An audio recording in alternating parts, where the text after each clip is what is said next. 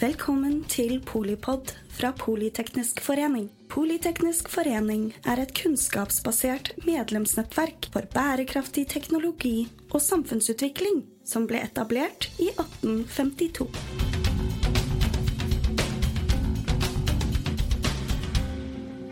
My name is Astrid Rusås Christoffersen, and I'm heading up the group research and development in uh, DNV.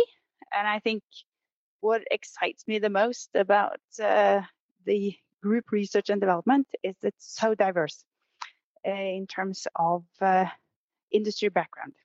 So it's healthcare and energy and uh, shipping and uh, and food and supply chains and and but there's so many similarities as well and ai is one of them okay we're going to have a panel and i want to welcome morten Dæhlen professor and he's a professor at the university of oslo and also leader in dScience through several leading positions, uh, he has been engaged in research and education policy making and in finding effective mechanisms for collaboration between academia and industry, while strengthening basic long-term research. Welcome, Morten.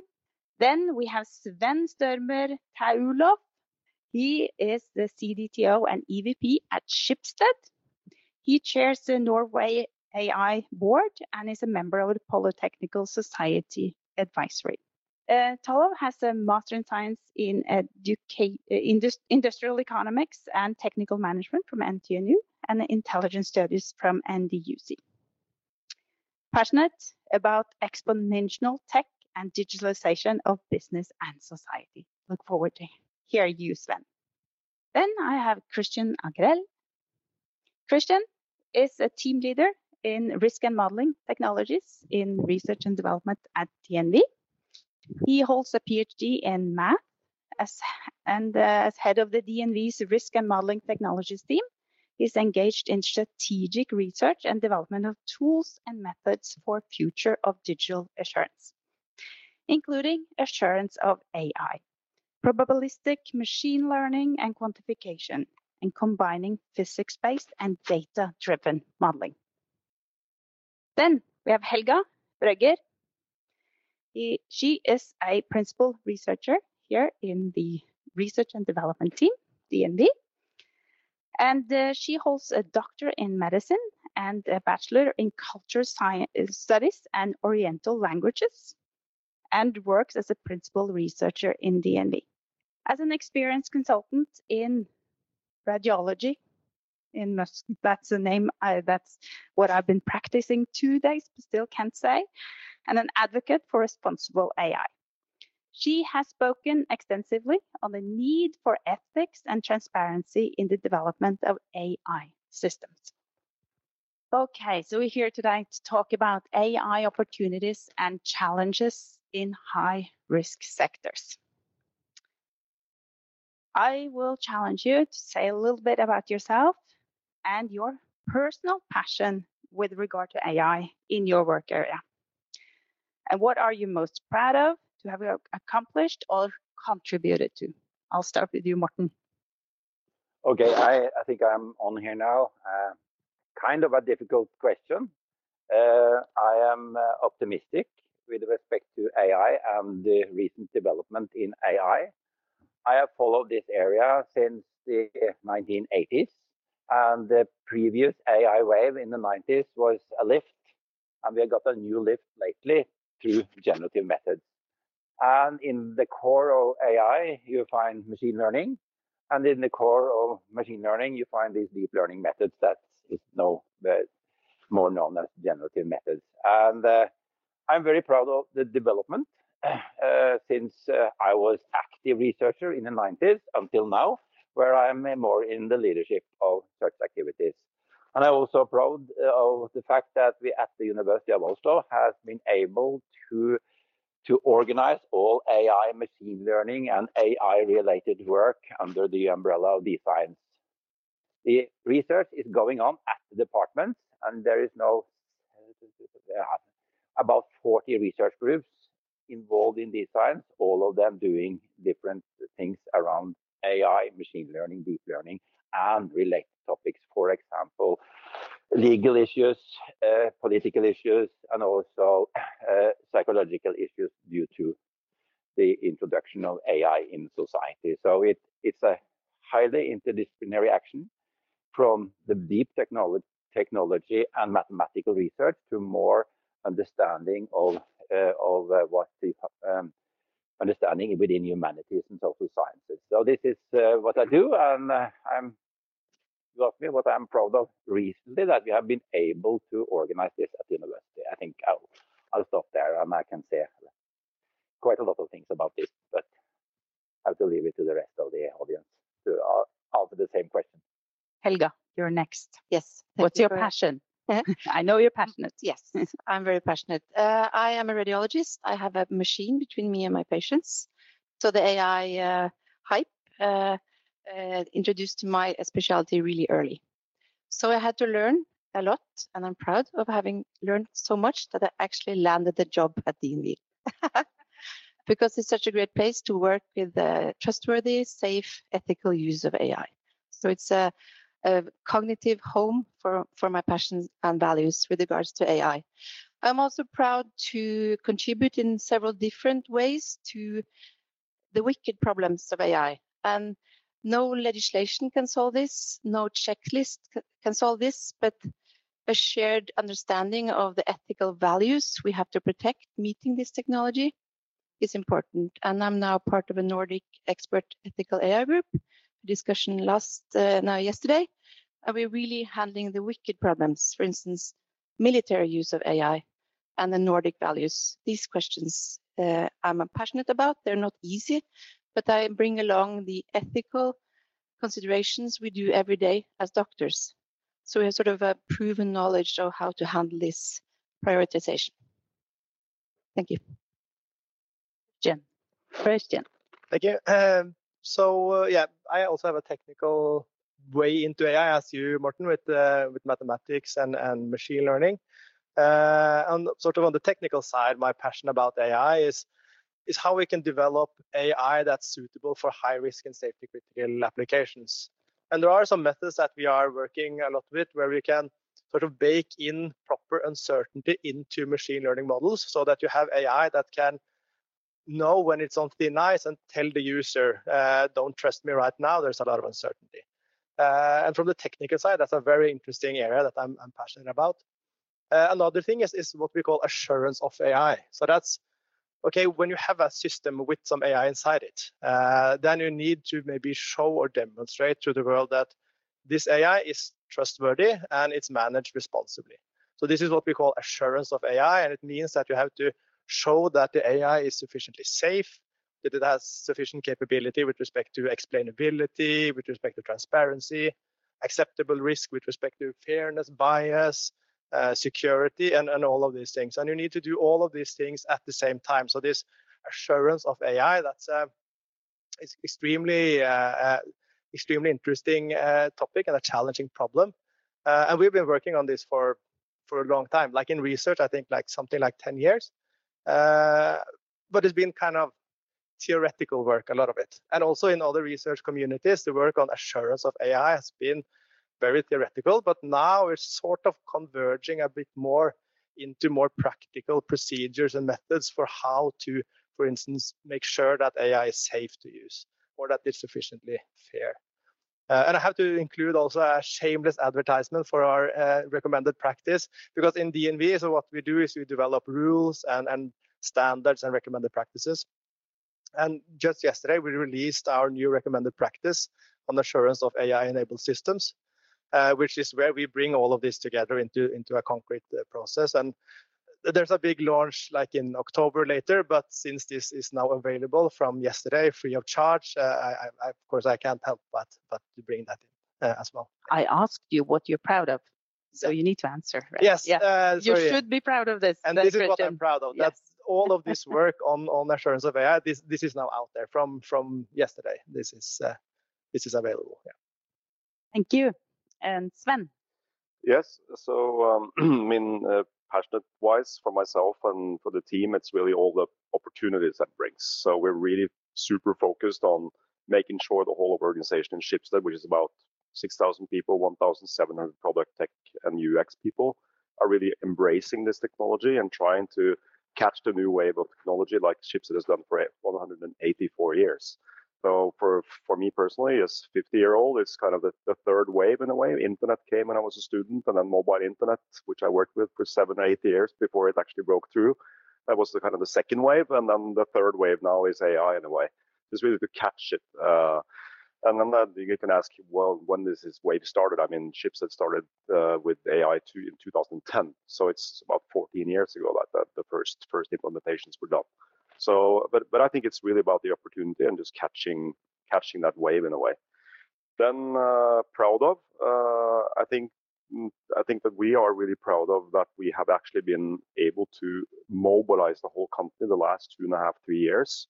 Uh, going from three, four pockets of excellence inside of our different companies to being the whole organization being evolved, training now north of 10% of all our staff on AI, whether you're a software developer, a product developer, or if we work in finance or wherever it is. Um, so we have an extreme momentum, very high knowledge about it in the company, even on the top top level in the company, and also in the board. So it's it's it's going all the way through in the company. I'm proud that we were able to do that because we've been driving that for my units. Uh, the second thing is that we've been, uh, for the first time in those 184 years period, actually been doubling down on some research because Schibsted never did that. So we start entered two SFIs, uh, both in Bergen and in Oslo, uh, two and a half or three years ago, can't really recall, where, where we are trying to contribute to the greater society by being a part of those SFIs and in particular working with what we do the most, meaning we produce language because we have lots of journalists, we have lots, we have platforms where people meet and make make content, and but you know, everyone knows that that data is extremely crucial for making language models. So therefore, we are very involved in what we call NordGPT, which is a University of Oslo, University of Stavanger, and NTNU working together in a research institute where we have the, the chair position where I'm, I am filling that right now. And then the last one I'm a bit proud of is that we are most likely the only company in the Nordics that are active in Brussels regarding regulations. So we have people that are actually working in Brussels on the AI Act and challenging and trying to modify it if we think that it should be modified. And there, there it's like really, really difficult because they come to me and they say, what should we mean about this? And I say, I have no fucking clue. Uh, and then, okay, what are we going to do? And we sit down and we scratch our heads and we talk to different people, you know, both in academia and then we try to find some position because it moves so fast, particularly in the generative area, which, yeah, for those of you who follow the AI Act, it, it just came in the third round, right? Before that was not even there. Wow, uh, that's when you hit the wave, you know, that's what your passion is, that way I understand. And, and, and usually you hit it a bit too early. That's my you experience. hit a bit too early. Yeah. And when the wave uh, crashes down. that could happen. Um, okay, so when the the wave is crashing down uh, in your worst nightmare, uh, what are you afraid of uh, when you think about AI, and what could be the bad consequences of of using AI in your industries? Um, Helga, I I come from a, a hundred maybe thousand year old tradition of giving healthcare, where the roles are known and there's a large amount of trust in hospitals and healthcare professionals. And we have established ethics and established procedures to protect the vulnerable. My worst nightmare is technology introduced by power without accountability that doesn't know this ecosystem. I'm not familiar with sort of actual ethical daily life. There are new actors that are very powerful and we need them. We need them to solve all the wicked problems in healthcare. They know have to understand the context, the rights, the roles of the involved or the most important parties. And to me, that's the patients and the next in. And of course, also uh, the workforce will have to adapt. But um, so power without uh, accountability is my worst fear. Very good. Sven? Yeah, no, I can take two perspectives. One perspective is that right now we are in a hype, but it's a, I call it a substantial hype because it's not, it's not, it's something is actually happening and being put in production and so on. The, my worst fear for our industry is that, that people think it is a hype and then they kind of just say, well, it was a hype, and we don't do anything about it. So they underestimate the long-term impact in our industry. That's that's that's usually what happens when the hype goes over, and people just like, okay, it was nothing, and then it actually is something, and you just need to continue when that wave breaks. Uh, that's one. The second one, which is more industry specific, is that the the basis of the democracy is trust. Uh, and a very important part of democracy is the fourth power of state, and that's the press. That's actually Riksrevisjonen. It's not Riksrevisjonen, it is the press. If you look at who breaks all of these scandals with politicians, it is the press. And if if we're not able to to handle that transition, meaning that we still are the source of trust, that the, the ability to understand what is real is just disintegrating. So humans don't know what is true. Then we have a fundamental society problem, which is a lot worse than the stance we have today with social media, which is just peanuts compared to if this really breaks out. So, so we in our industry are thinking about that this is a golden opportunity to actually make a stronger position as the trusted way to go, the gatekeeper that can say, you know, this video is actually true or it's not true, uh, for example. So, but, but the, the worst fear, can't do it it breaks, democracy breaks, and then all hell breaks loose. It's not AI in itself, but it's the way you use it, right? Exactly. That's. Uh, I think that was very well said. Democracy is very tied into generative AI, and that's what we need to kind of focus on. When trust matters, that's the slogan of uh, of DNV, and that's that's the role that we want to play to really make sure that we're there when trust matters. I think. Yeah. Uh, Morten? Yeah, I, I, completely agree with Sven. That's one of the most important things we have to take care of. How is this information coming out and what is it and is it trustworthy? I will, if, but it's an hype. Uh, but if you make a little bit conservative definition of, of artificial intelligence, for example, like this, artificial intelligence is the collection of methods, algorithms, and technologies that learn from data and experience and has the ability to perform actions physically or cognitive that we perceive as intelligent. That's a kind of a definition which is which we can use. If we keep it there, and then this is not a hype. Because we have a continuous development of methods behind here, which becomes better and better. As long as we use good data as input. So high quality data is necessary if you see the generative methods that actually work today, they are very based on high quality data, for example, within medical diagnostics and within development of new drugs. Uh, however, if you go to the other extreme, for example, the chat GPTs, it's an enormously strong language machinery. But since it is coupling input from various sources, it hallucinates. And we have to remove that because if it if it continues, like Sven said, if it, if ChatGPT and other solutions are putting crap on the net and we are reusing it, this is going wrong. So, for example, lately now, uh, ChatGPT is also a search engine. What happens with the for, with, with that? When you, you search and you put things into a system and you regenerate uh, information across information sources, you have to be very careful. So all these things uh, are uh, from it's, it's attacking trust and hence democracy. So what I believe in is that we need to have a, a, a good understanding of what happens on the technological level and also what happens in society. So it's a broad scientific challenge that we are meeting.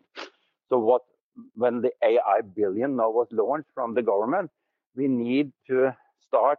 And, we, and my advice to Mari Sundli this morning was to say, okay, make large projects across uh, scientific disciplines, not small projects here and there, but large projects that capturing the, the whole challenge.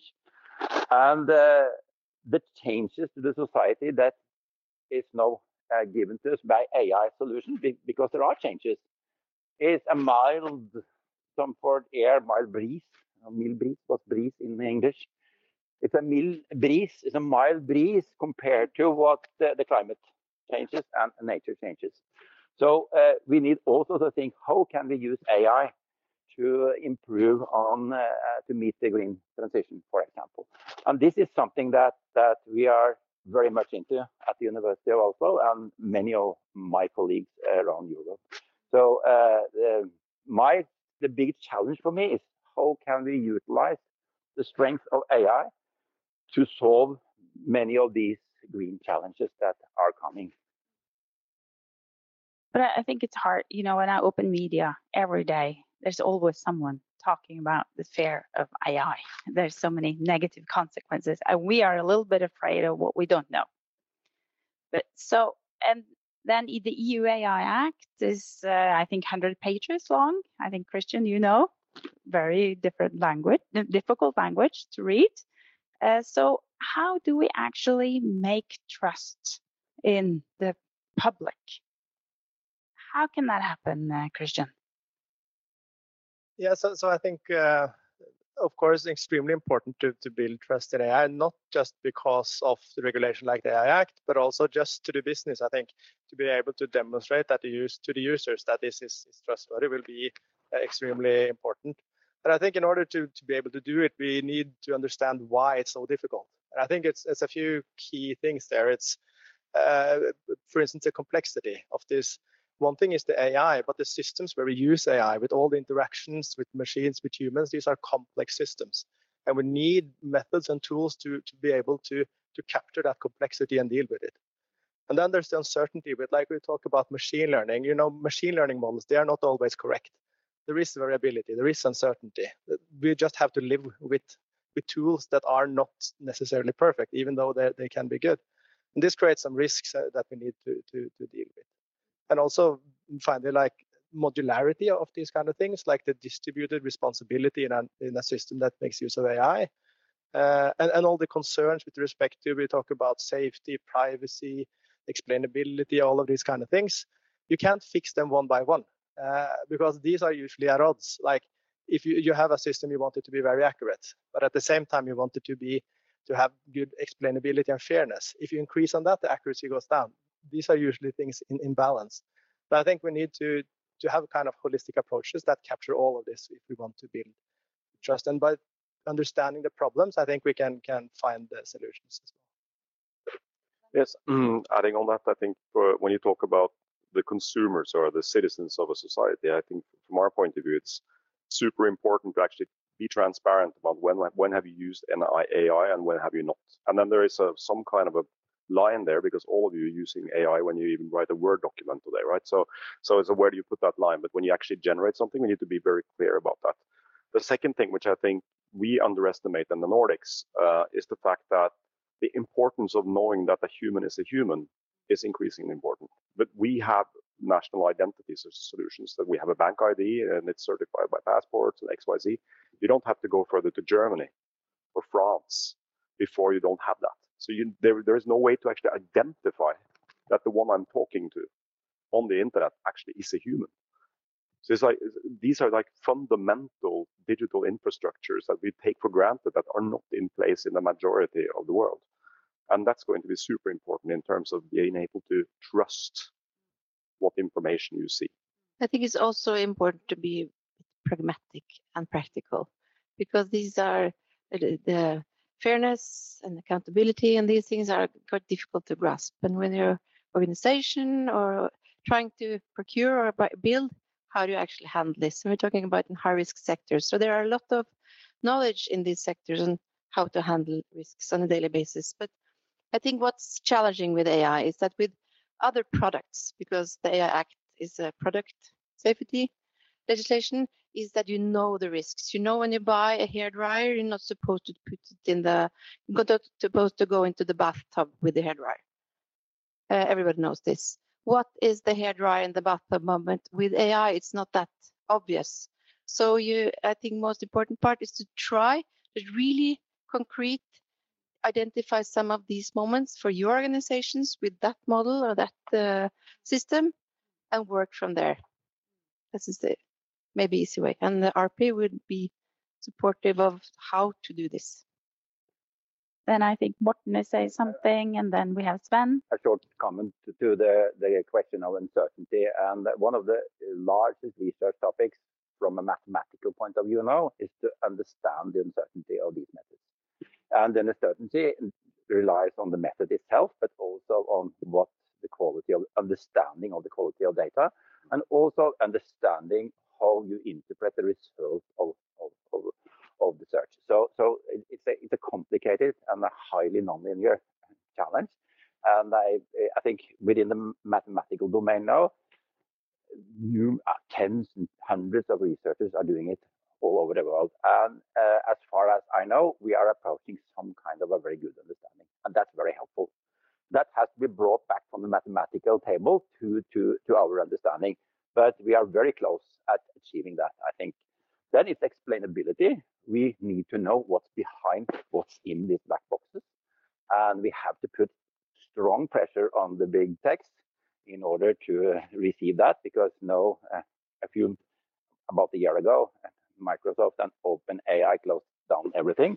So we basically don't know. We can we can guess, but that's that's uh, also what we do. And I hope that the academic community across the world is able to, to, to find out what is actually going on so that we can make it open to the public in order to respond to what this is all about. And of course, then ethics. And within ethics, we get a lot of dilemmas. We get bias challenges that we have to, to, to take into account. So all these things are high on the agenda in the research community. And I think within two, three years, uh, very many of these difficult questions, we, we will have answers to many, of these difficult questions. But we'll also uh, get some more understanding uh, how can we use these methods and where are they not useful. And uh, I am optimistic in the sense that they are useful, but not all over the place. I really would like to understand what is the hairdryer moment in media when should should I not trust? What what what do I need to look for then? what is my hairdryer moment? Do I put it in the bathtub and I'll I'll stop and no, I think believing if, in if it? you start generating news, let me say in this way, without having a, a, a journalist in the middle uh, yeah. checking things, uh, that's that's the moment where you are you're deep into trouble. But I would, but I would like to add one thing, and then just to take a bit. This is a debate everyone is agreeing. So I'm going to fire off a couple of rockets.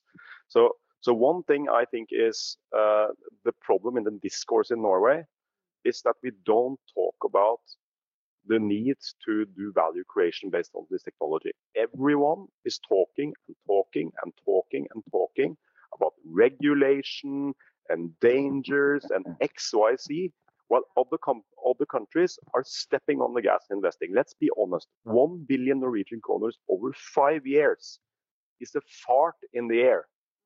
It's 200 million kroners a year. A year. It's about a department in DNB, right?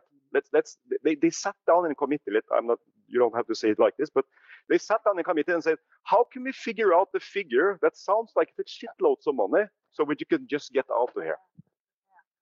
That's what they did. So just before we, the election. Just mm. before the election. I think that fear, uncertainty, and doubt is the biggest danger for Norwegian industry. What we need to do is to get everyone to work like crazy on putting prototypes and making products using this technology and not talk at Arendalsuka about regulation. How do you regulate this shit? The, the mayonnaise is out of the tube. Just have some guardrails about what you should not do. And I think EU is doing a darn good job on saying face recognition XYZ. But the other areas, I'm super nervous. I'm nervous for Norwegian industry because we're just too damn fat. Okay, let's get some debate. I, am not. I, I, I, have to say I'm not because you are too good. The Norwegian industry is doing very well. You are you have a lot of very skilled people around in your company, in DNV and all around. So I'm not afraid of the Norwegian industry. I think you are in a good position. In addition to that, we also have at NTNU, at University of Bergen, at the University of Oslo, we have fairly good groups. So we have, we are in a good position. So, uh, but the, the billion is far too little. It's too small. So that I agree. But uh, I think uh, I'm, I do not agree that uh, we are not in the position in Norway. We are a small country, that's not true. But if you look at us as, uh, on, on a, from the outside, I've done that for a while now since I've been in Brussels.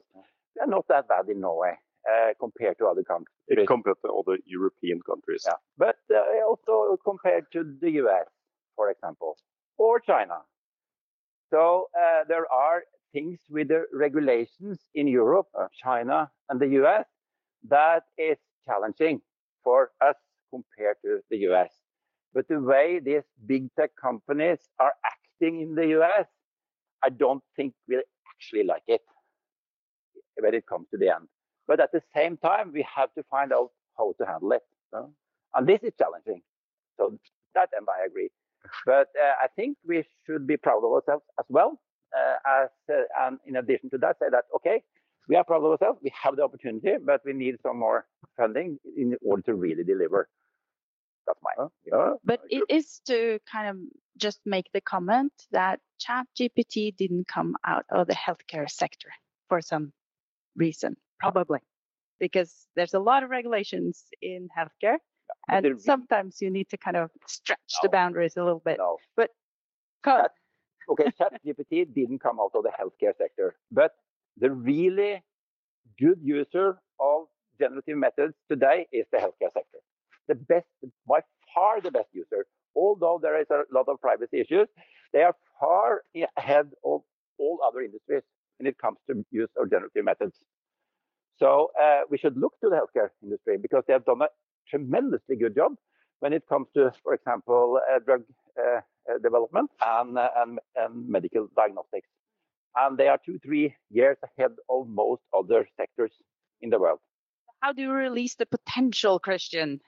I think uh, some very good comments here. And as you say, like it doesn't help to, to just sit and wait on regulation. Regulation is important, but we have to step on the gas. And as you also said, uh, Morten, like the you talk a lot about all of these risks that are real, real, but we have the solutions. Like they are now there are in, in mathematics papers. Uh, uh, so we have to, to make use of this. There are solutions to all of these problems, but we can't use them just yet because there's quite a, a way to go from theory into the practical solutions. But we have to remember also if you're able to do this, the flip side, okay, you can think about safety. But if we may do this right, you will get systems that are much more safe than the ones operated by humans. Mm. And fairness, like it's a problem when we use AI and it scales up and magnifies bias and discrimination, but it also lets us see it and we can fix it. Uh, and the reason why AI and, and, fairness is a problem is because it's trained on human data, right? And we haven't been really good with respect to fairness uh, historically. But then we can fix it, and then we can get truly unbiased systems uh, when we when we just do this. Yeah. Helga. Um, I think uh, value creation is also, especially from a public side of things, uh, saved uh, or resources used good. In healthcare, we can use AI to actually treat the ones that need it because we are over treating several patients, and there are patients also that undertreat. So, and I think to have this EU regulation, they're doing a really good job. It will be a competitive advantage because it's ethical, it's, it's safe.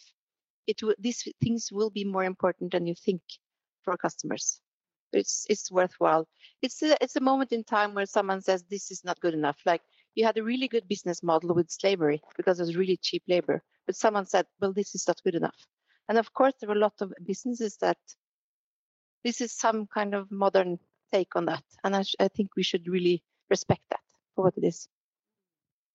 I think I think it's uh, it's well worth looking at. I, I, think I'm pro regulation, just to be clear on that. So it's I'm not saying it's not, but but it but it's um but it's a fact that uh, that GDPR, that was the previous one that has impact all over the world, has has been a disadvantage until now, at least for the European companies. Let's be honest about that. We've not been able to have an enforcement of that regulation that really have kicked in for the large tech giants in the same way. So there's not been a level playing field for European companies compared to the US companies.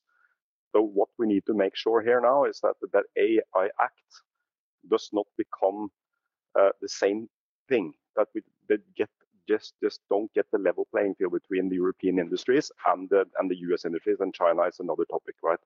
So, but if it becomes the blueprint for for for the rest of the world in terms of regulating AI, then it's fine. But if it takes 10 years, then we're going to have trouble. That's what I'm saying. So uh, what and I'm I'm saying this about Norwegian industries is because as I think all boards and all management should have a really serious discussion about now, as it was in the 1990s when the internet came along. What does this mean for us?